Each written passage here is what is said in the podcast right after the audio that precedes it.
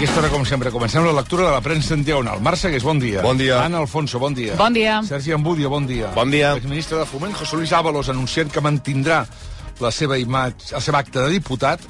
És la imatge que apareix avui a totes les portades als diaris de Madrid. Defineixen el pols al PSOE com a desafiament i apunten a Pedro Sánchez com a gran damnificat per aquest cas. L'editorial del Mundo exclama que la decisió d'Ábalos suposa un qüestionament a Sánchez que ni tan sols García Paje havia protagonitzat i conclou no cal que Sánchez pateixi per la seva autoritat moral contra la corrupció perquè amb l'amnistia la va perdre fa temps. L'ABC apunta que Ábalos ha fet perdre el primer pols a Sánchez dins del PSOE des del 2017 i creu que l'ultimàtum només ha fet que mostrar la debilitat dels socialistes. A La Razón escriuen Jorge Fernández Díaz i Francisco Maruenda. El primer ja parla del cas Sánchez, considera que està obligat a explicar per què el va destituir com a ministre el 2021 i lamenta que les mascaretes estiguin ocultant l'amnistia integral a Puigdemont. I Maruenda bateja la trama com el Waterloo de Pedro Sánchez. També hi ha diaris que carreguen contra José Luis Ábalos i critiquen que s'hagi aferrat a l'escó. És el cas de La Vanguardia que l'editorial apunta que la decisió d'Ábalos enfosqueix i cancela la seva vida política i li recorde que no se li demanava que admetés la culpabilitat sinó que tingués responsabilitat política. A El Confidencial, Marta García publica Ábalos va consumir el seu desafiament com l'últim sospir de dignitat de l'esvalutador que surt escortat del bar dient que no el fan fora, sinó que marxa perquè vol. El diari Oponés, Íñigo Sáenz de Ugarte, titula Ábalos culmina el seu enfonsament presentant-se com a víctima i recorda que ha triat defensar el seu honor però sense explicar per què va donar poder a Coldo García. I Josep Maria Cortés, a Crònica Global, també apunta que Ábalos ha de respondre de manera responsable i li retreu que no ho faci i que s'escudi en el jo no sabia res. També hi ha mitjans de comunicació que aplaudeixen el PSOE per la seva contundència en aquest cas. És el cas del País, a l'editorial, que dona suport al PSOE per fer el que li tocava, exigir responsabilitats polítiques mentre els tribunals fan la seva feina. També l'Espanyol defensa que el PSOE ha fet el correcte amb una contundència. Diu que en el seu dia no va fer gala del PP de Rajoy. Tot i això, exigeix més esforços a la directiva socialista per respondre a totes les preguntes pendents. L'altre tema del dia, avui a la premsa de Catalunya, és l'acord de pressupostos entre Esquerra Republicana i el PSC.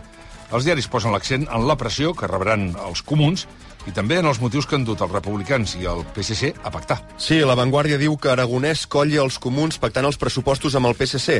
Recorde que s'havia compromès de no tramitar els comptes fins a tenir els suports necessaris i conclou, ahir deia blanc i avui diu negre. Al punt avui, Carles Sabater també apunta que els comuns ara patiran el pressing per aprovar els comptes i creu que poden canviar de posició perquè Esquerra, recorda, també ho ha fet amb el Hard Rock. El periòdico El Versailles troba curiós que Pere Aragonès hagi trobat en Salvador Illa l'estabilitat que no va tenir amb Junts per Catalunya i creu que tots dos es reconen els de Puigdemont cap a la irrellevància. I en la mateixa línia, Gemma Aguilera, el Montpuntcat apunta que l'aliança entre Esquerra i el PSC té una relació directa amb les aspiracions de tots dos de repartir-se el poder a les administracions. I en canvi, Vicent Partal a Vilaweb critica que Esquerra s'empassi el gripau del Hard Rock, els acusa de tractar els electors de babaus i subratlla que com que han optat per tenir el PSOE com a soci, ara s'han d'empassar tot allò que els mana. Continuem amb la lectura de la premsa en diagonal aquí al món RAC1. Qui se l'intervessarà aquest matí al Xuxu? Aquest matí a tots aquells que critiquen els mestres si llegeixen la carta al director del Punt Avui que signe Sílvia Mayor. Es titula Benvinguts, passeu, passeu, i escriu Veniu opinòlegs i copseu de primera mà amb els peus a l'aula i al pati quines són les condicions per a un ensenyant a Catalunya. Es queixa de totes les crítiques que reben els professors des del sofà o des de la taula d'un despatx. I remate.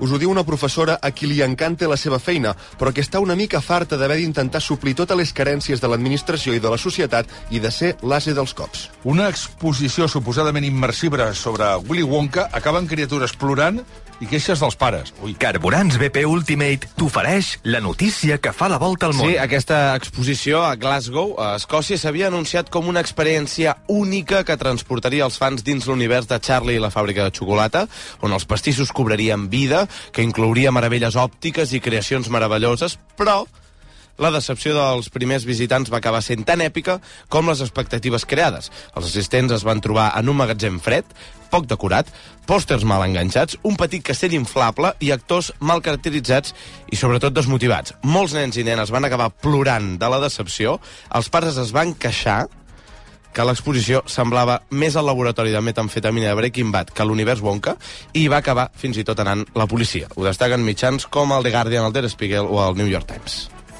I ara demana un desig. Últimament em demanen molt ser de mi BP perquè així sempre pots tenir a mà la targeta virtual a la teva app Mi BP, consultar els teus saldos, ofertes i promocions... No, si jo ja sóc de BP. Ah, d'acord, doncs llavors no sé què més pots demanar. Un cotxe... Si tu també vols demanar un desig, descarrega l'app Mi BP i aconsegueix aquests avantatges i molts més.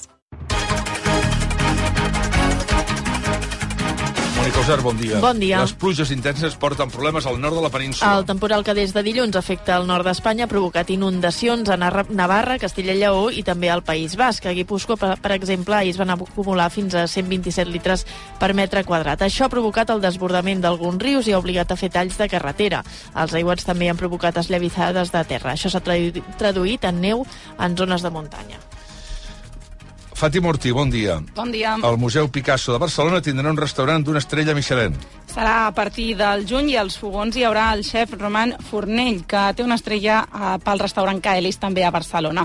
El cuiner vol oferir una carta i un espai ambientat a l'estil dels bistrots parisencs de principis del segle XX, tot per recordar l'època en què Picasso va viure a París i va pintar l'emblemàtic Guernica. Ho llegim a Eh, a veure, què ha provocat ara de Taylor Swift? Doncs que la cadena d'hotels Marriott, una de les més famoses del món, tingui un gran detall amb els seus clients més fidels. La companyia ha anunciat que regalarà a tots aquells que tinguin 500.000 punts o més a la seva targeta de clients fins a 5 nits en habitacions de luxe en els hotels de les ciutats on actui la cantant. Ho llegim a Bloomberg.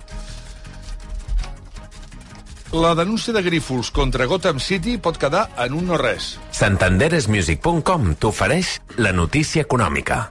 El fons especulador que va aconseguir enfonsar la farmacèutica catalana a la borsa ara ha desaparegut del mapa. El Tribunal de Nova York ha assumit el cas, encara no ha aconseguit notificar la demanda a cap responsable de Gotham City. Per què?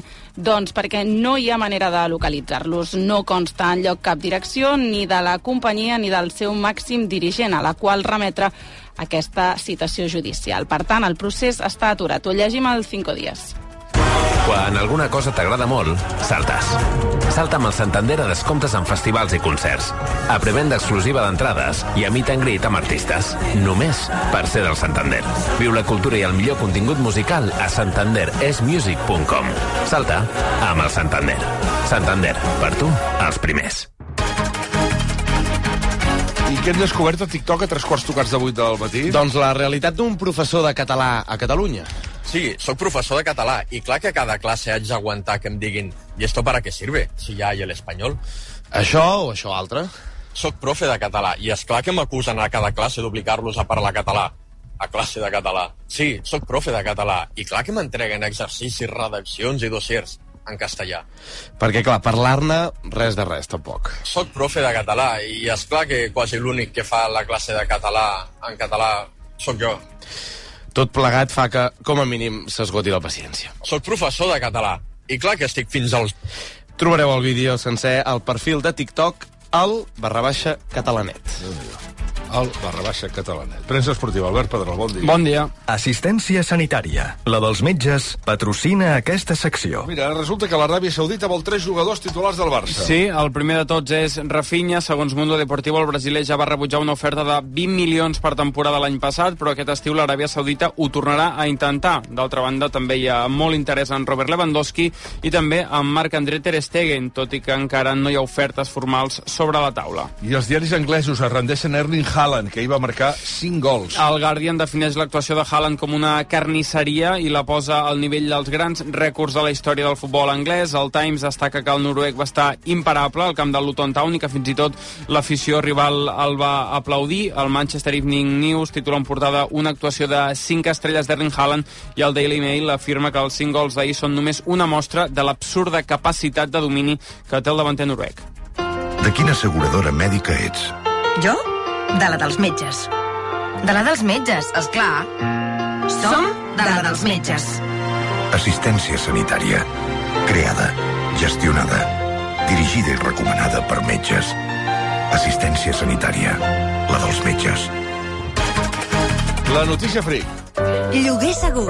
Sempre al teu costat patrocina aquest espai. Jordi Somell, bon dia. Bon dia. Un tribunal britànic obliga a readmetre i a indemnitzar un maquinista de tren que havien acomiadat per fer bromes a una companya de feina. L'havia espantat amb les restes d'una taràntula i després amb una pell de serp. L'empresa va considerar que les bromes eren assetjament i va fer fora el maquinista.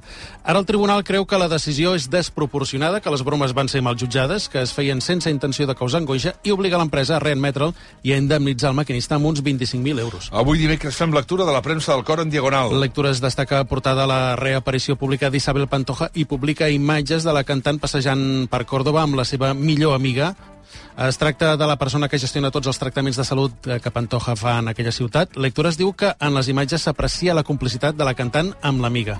La revista Semana eh, publica també fotografies que demostrarien que l'actriu Lara de Vildós i l'advocat Cándido Conde Pompidou tornen a estar junts. La parella va trencar després de només 5 mesos de relació i pocs dies abans que una dona acusés Conde Pompidou d'agressió sexual denuncia que va acabar retirant. I Ola parla de la nova vida de la infanta Cristina. La revista assegura que no pensa refer la seva vida sentimental perquè no es vol lligar a ningú. Ola aprofita per dir que el seu pare, el rei emèrit, tornarà a Espanya a mitjans de març i s'espera que hi hagi una reunió familiar. El va anar, al- la infanta Cristina va anar als carnavals de Canàries. Mm -hmm. També surt d'aquí a l'hora. Ah, sí? Sí. Ah, jo vull que és Sant, Santa Rufí? Sant Rufí. Ah, Sant Rufí? Sí. Sant Rufí. Rufí, no, no? Sí. Rufí és l'aniversari de... El jugador de bàsquet Luka Doncic, que fa 25 anys... Només?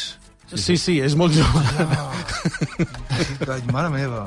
La model Natàlia Bodianova, 42 anys, l'actor mm, John Turturro, el gran Lebowski, Transformers, The Night Of, 67 anys, i l'arquitecte Frank Gehry fa 95 anys. I el nacional cunyadisme de Xavi Norriguis a Instagram, avui cunyadisme universitari amb la frase... Hi ha molt ambient. Tu pensa que és una ciutat universitària.